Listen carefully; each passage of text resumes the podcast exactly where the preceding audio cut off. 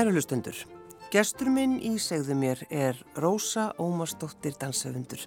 Velkomin í þáttin. Sæl. Áttu táskó? Heyrðu, öruglega í kassa einhverstaðar nýri geimslu. Já, þetta er svona yfirleitt sko svari sem að færi maður spyr dansara í dag. Að það er svona búið að pakka þeim svolítið niður. Já, þeir hanga ekki, þeir eru ekki hérna á, á tilbúinir á, á borðinu mínu sko. Nei, nei, nei. Þeir eru ekki mikill í notkun. Nei, og þú ekki lengur með plástra á tánum þá veintilega? Ekki mikið. En fannst þér, sko, fannst þér gaman að, að, að fara í táskó og dansa? Já, náttúrulega þegar maður byrjaði á þessu, þetta var rosa spennandi. Já. Þetta var náttúrulega svona nýtt, nýtt skref í balletnum að fara í táskona sko. Já, einmitt, einmitt. Uh, af hverju veluru þetta að, að, læra að dansa? Já, það er góð tíma? spurning. Ég held ég að bara verið búin að ákvaða því á pingu lítil að ég ætlaði að vera dansari. Ég man sko eftir að hafa verið bara 11 ára og verið bara búin að ákvaða að ég ætlaði að vera dansari. Já. Svo reyndar hætti ég alveg stundum en byrja alltaf aftur. En þegar maður tekur ákveðin svona snemma, þá kannski, það flækir kannski svolítið því þá kannski tekur ekki við einhverjum öðrum hugmyndum eða, eða hvað. Var þetta bara, veist, varstu bara fegin þarna 11 ára?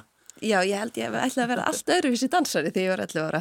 Þannig að ég hef svona bara breytt því kannski hvað það þýðir fyrir mér Já. að vera dansari. Ég held að þegar ég var lítil ætlaði ég að vera ballerína eða broadway-dansari eða eitthvað svo leiðis. Og núna er ég kannski svolítið öðruvísi dansari. Já. Og, og hvaða leið, leið fóstu, Rósa? Hvar byrjaður? Uh, já, ég læriði hérna heima dans uh, í listanskóla Íslands og fór ég líka í listaháskólan og svo flutt ég út til Brussel og fór þar í dansskóla sem heitir Parts og það er fjögur ára nám. Það er svona dans og danshöfundanám og samtíma dans Já. og danshöfundanám. Er það raut að komast inn í þennan skóla? Uh, já, það eru svona þúsund mann sem að fara í inntökupróf og það er haldið út Já. um allan heim. Já, er það? Uh, já, það eru inntökupróf alveg í uh, öllum heimsálfum held ég flestum allavega og bara út um allt og núna er líka inntökupróf í Íslandi uh, það var ekki þá, ég þurfti að fara í fyrsta inntökupróf í London og svo fór ég til Brussel, eftir ég komst áfram þar þá fór ég til Brussel Já. það er vikulangt inntökupróf, það er köttað í miðunni og svo er, já maður látið vita einhver tíman setna, hvort Já. maður komst inn eða ekki ég sér að komst inn Hvað, hvað komast margir inn? Eða hvað komast? Fimm, við vorum 55 á mínu ári. Nei, 50, eitthvað svo les. Sko 50 af 1000. Já. Þú lítur að hafa bara trillst og gleði, Rósa. Við vorum alveg þrýr Íslendingar sem komast inn, sko. Nú? Já. Já. Það var eitthvað mjög mikil sprengi kraftur í Íslendingam þannig. Þetta var sama tíma og eigafjallagósi var. Og ég man að hún talaði um það, þess að danshöfundurinn sem á skólan, að henni leist svo vel á hann sprengi kraft í Íslendingum. Já. Henni fannst það mjög merkilegt Já. að taka inn svona marga Íslendinga.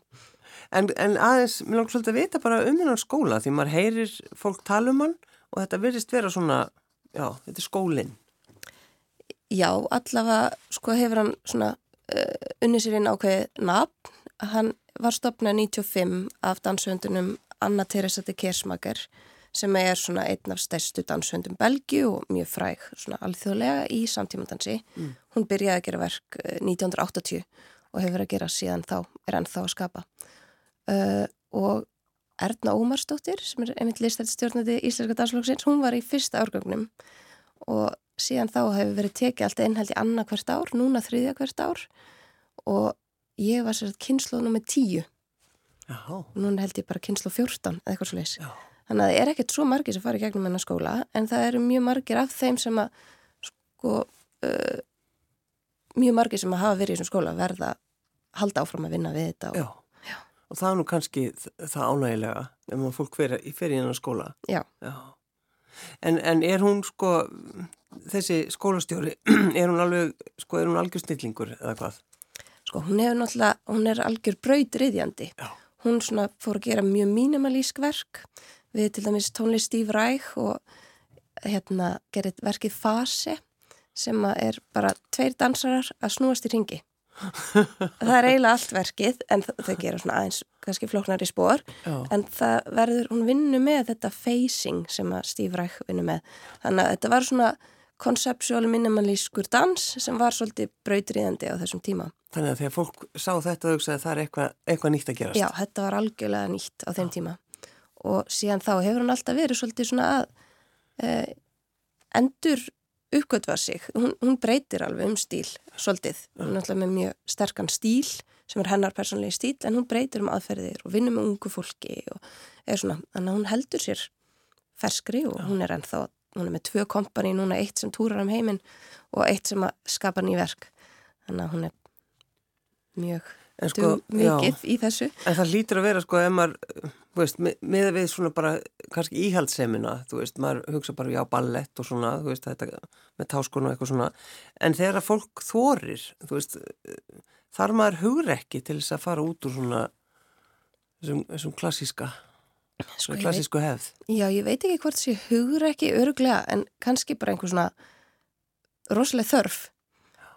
Ætli það ekki frekar? Já eitthvað að þurfa bara að gera þetta einhvern veginn aðeins öðruvísi. Ég veit það ekki, ég veit náttúrulega ekki hvað henni stendur til. Nei, nei, nei, nei nákvæmlega. En, en Rósa, hvernig er svo veist, er, er þetta, þannig skóli er hann rosalega fallegur og flottur er hann í flottu húsi, góð hverfi? Sko, nei, eiginlega ekki. Nei, það er eiginlega betra. Já, hann er eiginlega í svona bara svolítið útkverfi eða svona sem að er ekkert, jújú, jú, það er nú kannski fínt íbúa hverfi en var svona versmið hverfi og skólin er, þetta er náttúrulega mjög það er fimm stúdjó og það er hérna, makrobíotískur matur alltaf þannig að það er eldur sem eldar þann mat á hverjum degi. En þetta er samt bara frekar rábygging sko. Já. og svona. Hvernig var lífið í Brussel? Heri, það var rosalega gott fyrir einhvern sem er einmitt í dansi eða dansöndur af því að það er allt bara það er allt út í dansi. Það eru vinnustofur út um allt það eru leikús út um allt þetta sem sína dans. og það er bara dans í hverju viku. Það er alltaf nóg að horfa á og maður var alltaf að missa af einhverju Já. sem að því maður hafði ekki tök á að sjá allt. Rísafestival, þannig að þetta er alveg ekki borgarbúi eða hefur áhuga að dansi. En eh, svo er til dæmis Evrópukverfi, það er bara annar staðar. Ég tók eiginlega ekkert eftir því. Nei, þú hefur ekki haft neina þörf til þess að horfa á þessar stóru byggingar. Nei, þetta er svona Nei. önnur Brussel myndi ég segja. Já, akkurat. Já. En, en að því, að því þeir leggja svona miklu á, á, sko, áherslu á dansin þú veist, var þetta eitthvað svona meðvitað hjá þeim? Já, mér skilst það að hana, e, á nýjunda áratögnum hafi verið bara gerð ákverðun þegar Antiresa byrja að vera svo stór og aðrir höfundar e, á, sem að voru á sama tíma mm. þá var bara settu mjög mikil peningur í þetta Já. og það var bara ákveð styrkja mikil list og það var ákveð líka að e, einblín á að hafa erlenda aðila að vinna í Brussel. Mm. Þannig að það var, skólinn parts er alveg alþjóðlegur og svo var uh, lagð áhersla á að styrkja líka þá sem að voru kannski bara búin að vera með stuttabúsettu. Þú þurftir ekki að vera sagt, með uh, ríkisrétt eða residency í Brussel til að sækjum styrk, bara að þetta væri framleitt í Brussel Já. að einhverju leiti. Og þannig settur rosa mikið pening í dans og það skilaði sér alveg markvallt eh, af því að þetta byrjaði bara að spretta upp út um allt og varð svona einhvern veginn miðstöð dansar, dans já, í Európa. Þetta er nú einmitt, það er nú alltaf verið að tala um þetta, þú veist, það er bara þegar þið tekið svona ákverðin að setja pening í menninguna á blómstrafun. Já, að því að, ég minna, Ann-Teresa hefði aldrei gett að stopna hennan skóla og orðið svona stór nema að því hún fekk pening til þess að vera með sitt eigið húsnæði, sitt eigið framlegslu teimi, sitt eigið, uh, veist, hún heldur audition og er með bara allt sitt, hún er með sitt eigið eiginlega leikursrými líka. Mm. Þannig að, veist, þannig getur hún gert þetta. Já, já, já. En, en svona, þið daglega líf, uh, veist, fannst þið gott að, að vera þarna, voru, voru góð kaffihúsin? Já, mér fannst það mjög næs þetta euróska líf og það hérna í Brussel að vera svolítið stundum eru tarnir og þess að milli getur maður bara verið svolítið svona bóhem, Já. hangi á kaffihúsum og fara á síningar og, og það er ódýrt að lifa þannig að maður kemst af á bara lista launum já, já, og það er bara svona einhvern veginn hægt að lifa þannig kerfi í Brussel er sett upp þannig að þú líka þú ert búin að vinna eins og listamæður þá ferður svona listamanna laun í raun og veru sem er eins og aðunleysisbætur fyrir listamenn. Já. Þannig að alltaf á milli verkefna þá getur þú fengið þess að pening frá ríkinu og þetta er til þess að þú getur viðhaldið þínum ferli og þarf ekki alltaf að sækja um einhverja aðravinnu á milli verkefna. Já.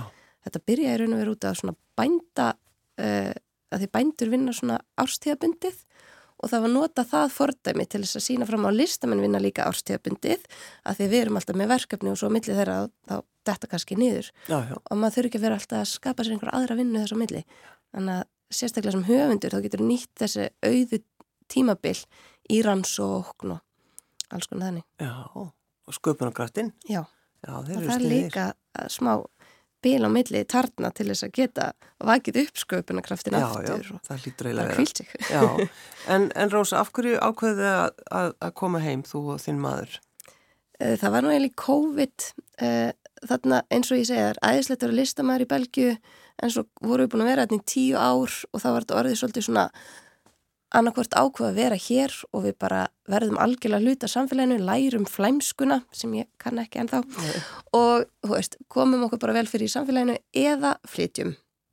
Og þegar COVID kom þá fannst okkur bara fylgdust við með Íslandi, hvað Ísland var með góða samhældni og hvað einhvern veginn var tekið vel á þessu og þá fannst okkur bara Belgia ekki vera staður sem okkur langa að vera á þegar eitthvað svona kemur upp á. Nei. en við ætlum reynda fyrst að flytja til Berlínar pökkum öllu dótin okkar í, í geimslu og komum til Íslands, ætlum að vinna um sumarið og fara svo til Berlínar. En svo dróst COVID og, og svo var ég ólétt og þá ílengdust við hér og við vorum með dótið okkar í geimsli í eitt og halvt ár. Já, að taka ákvörðun. Þetta fara út. þannig til við loks komum því heim. Já, en meðan ég var ólétt þá fór ég líka í e, svona vinnustofu, ég fekk sex mánu vinnustofu í, í höll í Stuttgart og þá hérna var ég þar meðan ég fekk að splitta í tventan, ég var þar meðan ég var ólétt kom svo heim, hinga til Íslands í fæðingarólof og fór svo aftur þegar hann var fimm mánuða, þá var maðurinn minn í fæðingarólofi Já. og við vorum hann að vinna veitu, í höll, Já, þetta er svona því, Þetta Rósa. heitir Academy Sloss Solitude og er höll í skógi og sem er búið að breyta í svona listamanna vinnustofur. Já. Þannig að þarna fær maður svona stúdíó íbúð og Í höllinni. já, það er búið að breyta því í svona vinnu, Já, já. listamanna vinnustofur og þar er líka dansalur og þar er uh, galleri, nokkur galleri og þar er svona smíðaverkstæði og málmverkstæði og klippistofa, það er bara allt til alls fyrir alla miðla. Og þetta er svo bæði listamenn og einhver svona listaakademju uh, fólk, einhverju vísindamenn sem svona, þetta er svona þeir vísindamenn sem kannski vinna svolítið listrænt. Og það er hvað 20-30 manns þarna á hverju tíma, allir með 6 mánu vinnustofu og við vorum þarna í COVID sem var frábært, af því að þá vorum við bara í einangrun með öllu þessu fólki Já, einangrun í höll, Já. í skógi. Já, Já, og, og hvernig var svona sköpunarkrafturinn þarna hjá þér, Rósa? Já, þetta var náttúrulega bara e, hinn fullkomni staður til að vera á að byrja nýtt verkefni. Þarna byrja ég eiginlega verkefni sem ég er að fara að sína núna og þarna var ég, þegar ég var ólétt bara að vinna á mótnana, fara svo göngutúr í skóginum, taka kannski smá leggju, halda svo áfram að vinna fram á kvöld og svo gætum maður hitta allt þetta fólk að því við vorum saman í einogrun, þannig að við gætum alltaf verið saman á kvöldin og svona. Og enginn hefur veikst eða hvað? Nei, engin vektist. Já, þetta hefur fullkomið. Já, þetta var algjör bara draumur í miðju COVID einhvern veginn. En þarna inn í þessum skógi og í þessari höll, þá færðu, færðu að hugsa um verk sem að e, þú kallar molta. Mm Um, við höfum um 20 mínútur til þess að getur skýrt út fyrir okkur þessa hugmynd, því þetta er eitthvað, eitthvað annað, ef við ekki bara segja það. Um, reynda að segja okkur hvað þetta er. Já, Molta er sér að, uh, ég kalli þetta vistkerfi og áhrifndum er bóðið að stíga inn í vistkerfi. En ég hef sér að vera að vinna með svona vistkerfa aðferð uh, í síðustu verkum mínum líka. Mm. Og kannski best að byrja að segja frá því að þegar í síðustu verkum mínum þá kemur það alltaf upp að það væri frábært, þetta væri miklu, miklu lengra. Að ég er að vinna svo mikið með tíma og þá langar mér svo að fólk fái upplifun á því að hæja á tímanum og hvernig við getum upplifað mismunandi tímaskinn og þá lág alltaf fyrir að mér langaði að gera verk þar sem áhöröndur eru inn í rýminu og þetta væri verk sem tæki mjög langan tíma og byggði áhöröndur um að í raun og veru vera mjög gafmildir á tíma sinn og verkið er sett fjóru klukkutímar. En fólk má taka sér pásu þegar það vill, það er hægt að lappa inn út úr salnum og það er matur í bóði þannig að þú getur, þetta er svona smá uh, take á þetta dinner and a show þannig að við erum svona aðeins að vinna með það á öðruvísi hátt. Já, og við erum ekki á Broadway. já, nei, nefnilega ekki þannig heldur, uh, við erum sér búin að tyrfa gerðasafn og þannig að það er bara, grasir orðið frekar grænt þannig að það er fínt að koma í janúar kuldanum inn í græna grasið og Myndi það sérst búið að tyrfa eitt salir? já, Hvað voruð þið lengi að því? uh, já, það tók tíma ég held að uh, við vorum til tvö um nótt þarna þegar grasi kom að það var rennandi blöytt og við þurftum að leggja það strax við erum svo búin að lifta gólfinu upp með pallettum Já. og þurfum að setja plastun á það og svo svona annað legar af, eh, það heitir masonit og svo grasið. Hvað voru all, varstu búin að ringja alla fjölskylduna þína? Nei, reyndar ekki. Við hefum kannski átt að gera það. Við vorum með nokkrar aðstöðahendur. Já. En þetta tók tíma. En sko bara þetta, já, skulum tyrfa þennan stóra sal, það eitt og sér, sko, væri auðveldar að kannski segja nei, skulum ekki gera það. Já, Við höfum bara gerfigræs eða eitthvað, leggjum já, á. en þá væri þetta ekki alvöru sko. Ég vil væri- alltaf nota allt alvöru Já. og ekki gerfi. Nei, líka En- vist kerfið og svona, Já. það getur ekki verið gerfi. Nei. Já, ok, það- áfram, þetta Já, er við, komið Já. er komið sem sagt. já, Já, og svo erum við með uh, mikrofóna út um allt og uh, hljóðkerfi er svona lífandi þannig að uh, dansratnir og efni í rýminu við erum einmitt líka með risastort vatn í miður rýminu sem að yfir því hangir ís og ísinn dropar í vatnið og það skapar hljóð og dansratnir gefa líka frá sér hljóð og þessi hljóð er það sem að mynda hljóðmyndina þannig að hljóðmyndin breytist í gegnum verkið og er alltaf við erum alltaf að nota hljóðin sem eru nú þegar inn í rýminu. eins og hvað hljóð, uh, hugsa um hvað eru dansararnir? Er Já, er það að öskur eða? Mm, já, smá öskur, stundum, kannski. Mhm. Svo eru við stundum aðeins að svona syngja og svo eru við líka að gera hljóð eins og, uh, ef við gerum hljóðdæmi, svona. Og svo kemur það miljónsinnum, þannig að við lúpum þetta. Já, Og þá allt í henni byrjar að heyra þetta litla hljóð eins og miljón dropa Já. og þá ert allt í henni komin inn í rigningu. Þannig að það svona breytist alltaf hljóðmyndin og hérna, eitt dansarinn er mjög færi að gera alls konar rigningarhljóð með mununum sínum. en býttu þú segir ís, sagt, he- he- hengiði klakar bara upp, Já, upp í loftið? já, einmitt þetta er an- en neitt höfuðverkurinn. Uh, já, við erum svolítið að hengja ís upp í loftið og ís verður sko ansið þungur. Þannig að þetta er búin að vera líka smá höfuðverkur hvernig við að koma honum upp í loftið og að hann hangi nóg sterkur og svona. Já, Ég er sérst að vinna að innsetningunni með Hákonni, manninu mínum og Guðnýju Hrund sem er sviðsmynda hönnur og eh, Hákon gerði verk með mér sem við gerðum með mitt þegar við vorum í residensjun í höllinni. Mm. Það heitir Collaborative Contaminations og það er svona innsetning sem við gerum saman með ís og vatn og svona endurspeglun. já, Þannig að við já. lýsum vatnið og það endurspeglast á vegg. Og ég vissi að ég vildi, og við gerum það líka í, síðast, í verki sem heitir Spils, þar voru við líka með vatn og svona endurspeglun og þar hannaði mitt maður minn ljósin. Mm. Og svo eh, vildi ég gera eitthvað svipað og hafa áhörundur inni og ég var einmitt byrjuð að vinna með einmitt aftur svona, frekar lítinn, eða lítinn, hann er tvisu sinni tveir, þetta sem ég notaði fyrir verkaninu, uh, vatn. En samstarf okkar mannsins minns er oft þannig að ég kem einhverju svona hugmynd og kannski getur verið með eitthvað svona smá gras í rýminu. Já, og hvað segir Gras á allt rýmið. Höfum vatnið risastór. Já, þannig hann, hann segir ekki, ég held að þú ætlar að segja að hann segir neini, við erum ekki við þetta. Nei, nei. Þannig hann, hann ítir alltaf undir alla þínur hugmyndir. Já, já, og svo þegar það er hérna, komið að því að tvarfileg geta þá get ég myndan á það. Já, það var, það var hans hugmynd. Já, er, það mikilvægt fyrir það að, að, að geta unnið með manninuðinum í þessum, þessum verkum öllum? já, það er búið að vera mjög skemmtlegt, sko. Við náttúrulega, þá hætti maður reyndar eiginlega aldrei að vinna, Nei, nei, en við samt reynum það, sko. Við ákvæmum stundum eitthvað svona, ok, við skulum ekki tala um þetta í kvöld, tölum um þetta morgun. og hvernig gengur það?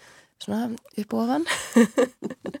Alveg við erum venjuleg, horfum bara bíómynd og Já. borðum pop, Já, eitthvað, eitthvað þannig.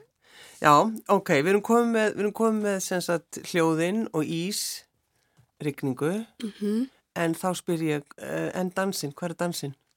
Dansin er að ég er með fimm dansara úr Íslenska danslóknum og sjálfstætt starfandi sem að þau eru, þú veist, ég er búin að vera svolítið að vinna líka svona vist kerfa aðferð í reyfingu.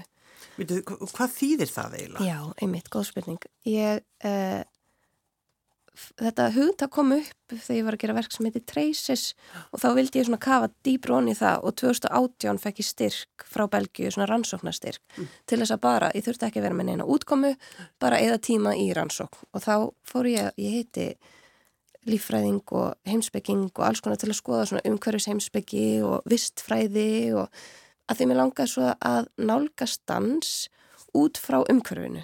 Þannig ekki út frá einhverju uh, mannlegum sögum eða einhverju mannlegum sálfræðilegum ásetningi, eitthvað, eitthvað þannig sem drýfið þig, Nei. heldur hvað ef við skoðum líka mann ef að umhverfi drýfur okkur áfram.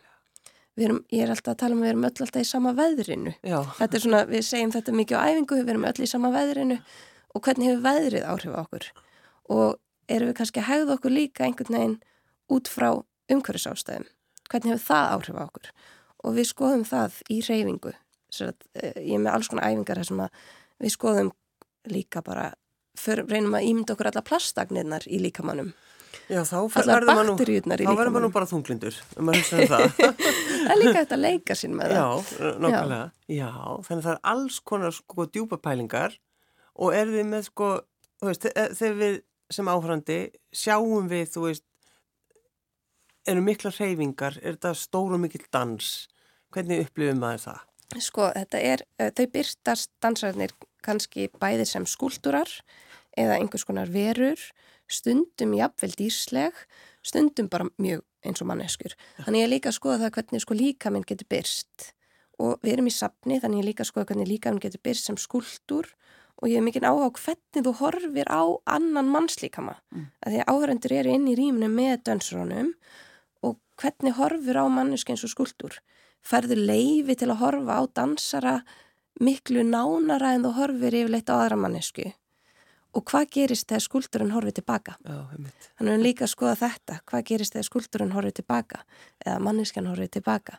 Og hvað verður þá í þessu sambandi áhörönda og performera? Þannig að þetta síningin verður aldrei eins? Nei, hún verður aldrei eins. Nei. Við erum með svona það er, það er einhver struktúr það er svona mismundi veðráttur í gegnum verkið.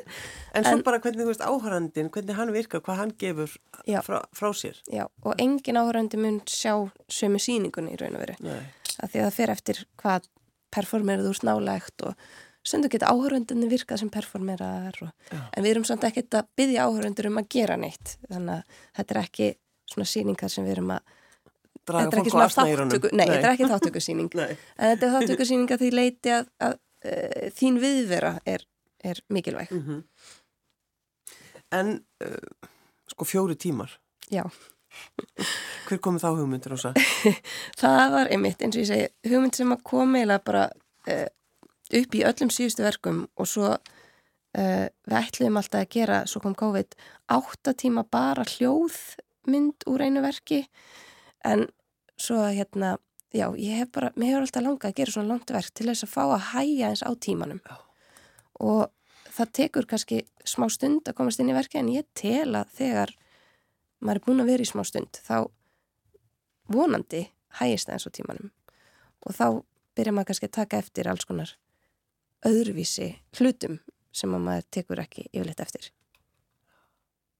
það er náttúrulega mjög mikilvægt að fólk fá að borða akkurat. Já, þetta er fjóri tímar, þannig að fólk þarf að fá að borða. Það verður að borða, Já. sko. Uh, aðeins að því, hva, hvernig, hvernig verður það? Já, þá var mér bent á hérna, hann Kerstan Óla sem hefur verið með grugg og makk og hann er kokkur á Nebraska og því hann hefur verið að vinna líka með vistfræði og örfurur í umhverfinu og alls konar. Þannig að ég hefði sambandi við hann og fekk hann til samstarfs og hann er að gera matinn og hann er líka með borðhald heitir það að, og hann er svolítið að skreita það svona svolítið í stíl við uh, síningasalinn og svo er, uh, er við svolítið að brugga bjór líka úr bakterjum dansarana þannig að áhörfundur geta hort á dansarana og drukkið uh, dansarana, dansarana. og það sem sagt Þú verður að skýra þetta eins út nánar. Hvernig getur maður bruggað? Sko það er eins og mér, eh, nú er ég ekki sérfrængurinn í þessu, kerstan er það. En uh, allir bjór er eiginlega gerður úr sagt, svona geri. Mm -hmm. og uh, gerjun getur átt í stað á alls konar átt og líka með bakterjum eins og súrdig mm -hmm. og það með að vera hvaða bakterju sem er. Þannig að við tókum síni, bakterju síni úr dansurum oh. og svo rættu við það þangu til að það byrjar að verða svona eins og, eins og uh, já, ger, eða eins og Já. súr í súrdegi og þannig Já, og þá er hægt að nota það til að brugga bjór. Og ég smakkaði bjórun í gær. Það eru tilbúnar tvær, það eru tvær tegundir af mismundi hérna, bakteríu blöndu. já, Þeir bræðast mismundi. Og þeir bræðast mismundi bara út af því að þetta eru mismundi bakteríur. Þeir eru mjög góðir. sko hefur einhver, þú veist, mér langar bara svo að vita, þú veist, ég, maður vil náttúrulega bara fara inn í hausuna þér, Rósa, því þetta er svo viltar hugmyndir allt saman, sko, en hefur, hefur einhver, veistu um einhvern sem hefur gert svona? Sko Kertan Óli hefur gert þetta með bjórin áður. Já, Já. já. Hann hefur gert það áður með bakteríum. Það er svona, Já, þess vegna hefur hann áhuga á bakteríum og, og, og vistkerfinu. já. Þetta er alveg rosalegt. Þetta er ótrúlega eitthvað, virðist vera mjög vilt. en ertu, þú veist, hefur á einhverju tímabili, tímabili sko verið bara að gefast upp af því þetta er svo, þetta er eitthvað svona stórt verk, sko? Já, já, alveg miljón Já, og hvað gerir þá ef þú ert að missa móðin? Já, já, ég held að maður bara heldur áfram. Já. Er það ekki? Mm. Og svo bara, Var, það, var, var þið kent það kannski í, í parts í skólanum? e, já, Að gefast ekki upp? já, ég myndi segja það. Það var, ég held að mér hefði verið kent mjög vel þar að geta haldið áfram að vinna undir pressu. Því að það var, þetta var oft mjög langi dagar. Og við vorum oft í skólanum frá 8 til 6 og svo áttum við að halda áfram og gera okkar einn verkefni og þetta var alveg svolítið klikkun, sko. Já, já. En hérna, að það kendi mér örgulega að vinna ágætlega undir pressu en e, svo bara hef ég svo gaman að því sem ég geri. Mér finnst eiginlega bara alveg rosalega skemmtilegt að vinna og það er kannski aðeins erfiðara þegar maður á bann já, að vinna svona langa daga. já, flækir aðeins fyrir? Flækir aðeins, þetta er fyrsta svona stóra verkefni mitt eftir að ég Já. en, og maður finnur aðeins munin en þetta er samt mjög skemmtilegt. Og, og hvað með svona eins og búninga og svona, Rósa? Já, hún Kristjana Reynistóttir er að gera búningana og það er, uh, þau skipta eins um búninga í gegnum verkið og svona. En að því við erum búin að, búin að tala um allt þetta props eða hvað sem að maður kalla það, er eitthvað meira inn í salnum? Þú veist það grasið Já, og svo er vatnið? risastór álplata, Já, hún er 5 sinum 3 metrar og svo er ljós sem að lýsa upp vatni þannig að vatni endur speglast. Um, svo er vatnaleka, ísaleka, málingaleka, þannig að það er allt svona uh, að leka, bráðuna, það reykur, það gufar upp. Um, við erum með, erum náttúrulega mikið að vinna með hljóð, svo erum við með þess að hljóðið hreyfir líka vatnið. já, já. Þannig að við erum með svona undir vatninu bassa sem Nú að hreyfir vatnið. Akkurat. Þannig að það er svona, við, ég hef svo mikið áhuga á hvernig sko einn miðill, eða þú veist eins og hljóð, getur breyst í eitthvað sjónrænt. Mm Eða lítil hreyfing eins og bara hreyfa einn putta. Ef þú gerir það onni í vatni sem þú lýsir á, þá verður þetta risastór hreyfing. Já. Þannig að hvernig svona pingulitli hlutir geta haft rosalega stór, eh, stórar afleðingar. Já. Og svo erum við búin að vera að skoða náttúrulega bara um hverfi sváin vofir yfir og við erum búin að vera að fara eins og í það og dansarnir hafa verið að skrifa svona sögur sem eru líka saðar í verkinu og það er bara svona sagt náið við bara einn áhöranda eða tvo. Svona í Nú, einhverja persónulega sögur frá þeim eða? Nei, þetta er þetta skáldsögur sem að, eða skáld, skáldaðar, ljóðrænar skáldaðar örsögur Já, sem að velta fyrir sér svona framtíð þegar til dæmis líkamar hafa blandast saman við plasti já. eða uh, grópir að vaksa í heilanum eða eitthvað svona, það sem Já, svona hressandi. líkaminn, já, það sem að líkaminn blandast saman við náttúru og umhverfi og Þannig að þetta er allt saman ægilega lífrænt. já, Já. Það er ekki skrítið og kallar þetta moltu. nei, einmitt En þegar maður gerir svona stórt verk eins og, eins og þetta, Rósa, veist, hvað, ge, hvað kemur svo í framhaldinu? Hvað, hvað getur þið gert eftir, eftir svona síningu? uh, Já, það bara Þá lætur dansarinn að snúast bara í ringi eins og með engu örglega, eitthvað með engu og skoðar það. En, en sko hugsaðu þetta, þú veist, þegar, þegar, að þetta er svo, þú ert náttúrulega alveg á kafi þessu akkurat núna. En ertu komið með einhverja fleiri hugmyndir? sko ég já, ég reyndar að vinna er, er, ég fekk listamannalaun til að byrja næsta verk Já, fyrstu það núna? uh, reyndar í fyrra Já, en hérna það er svo satt já, kannski ofsnemt að byrja að tala um það Mm. en ég er svo satt mun byrja á því bara eiginlega um leið og ég er búin með þetta Já. en það er alltaf, ég reyna samt að vera ekki ég gæti örgulega verið sniður og hugsa betur eitthvað svona um ferilinn eða eitthvað en ég er alltaf bara einu verk í einu og reyna að gera bara það sem að mér langar í alvörun að gera í staðan fyrir að vera að hugsa eitthvað svona strategíst. Já, um mitt. En heldur þú farið með þessa síningu, þú veist, ferðu með hann ekkert? Já, við erum með, með danska kóprodúsara, þannig að það mun fara til Kaupmannhafnar, það er staðfest og svo er ég viðræðin við aðra aðla. Já, þannig að þú vilt fara, fara með þetta út. Já, það, það lág alltaf fyrir. Fyrst átti þetta verk sko að vera fremsynd í Belgju, Já, en svo þurfti að fresta því og eitthvað svona. Uh, en já, það er vonandi. já. já. En uh, að því þið voru með drauma um Berlín, heldur að það komi eða ertu bara, ertu bara róleg á Íslandi, Rósa? Ég held við varum bara hér aðeins. Já. Já, okkur líka bara vel hérna.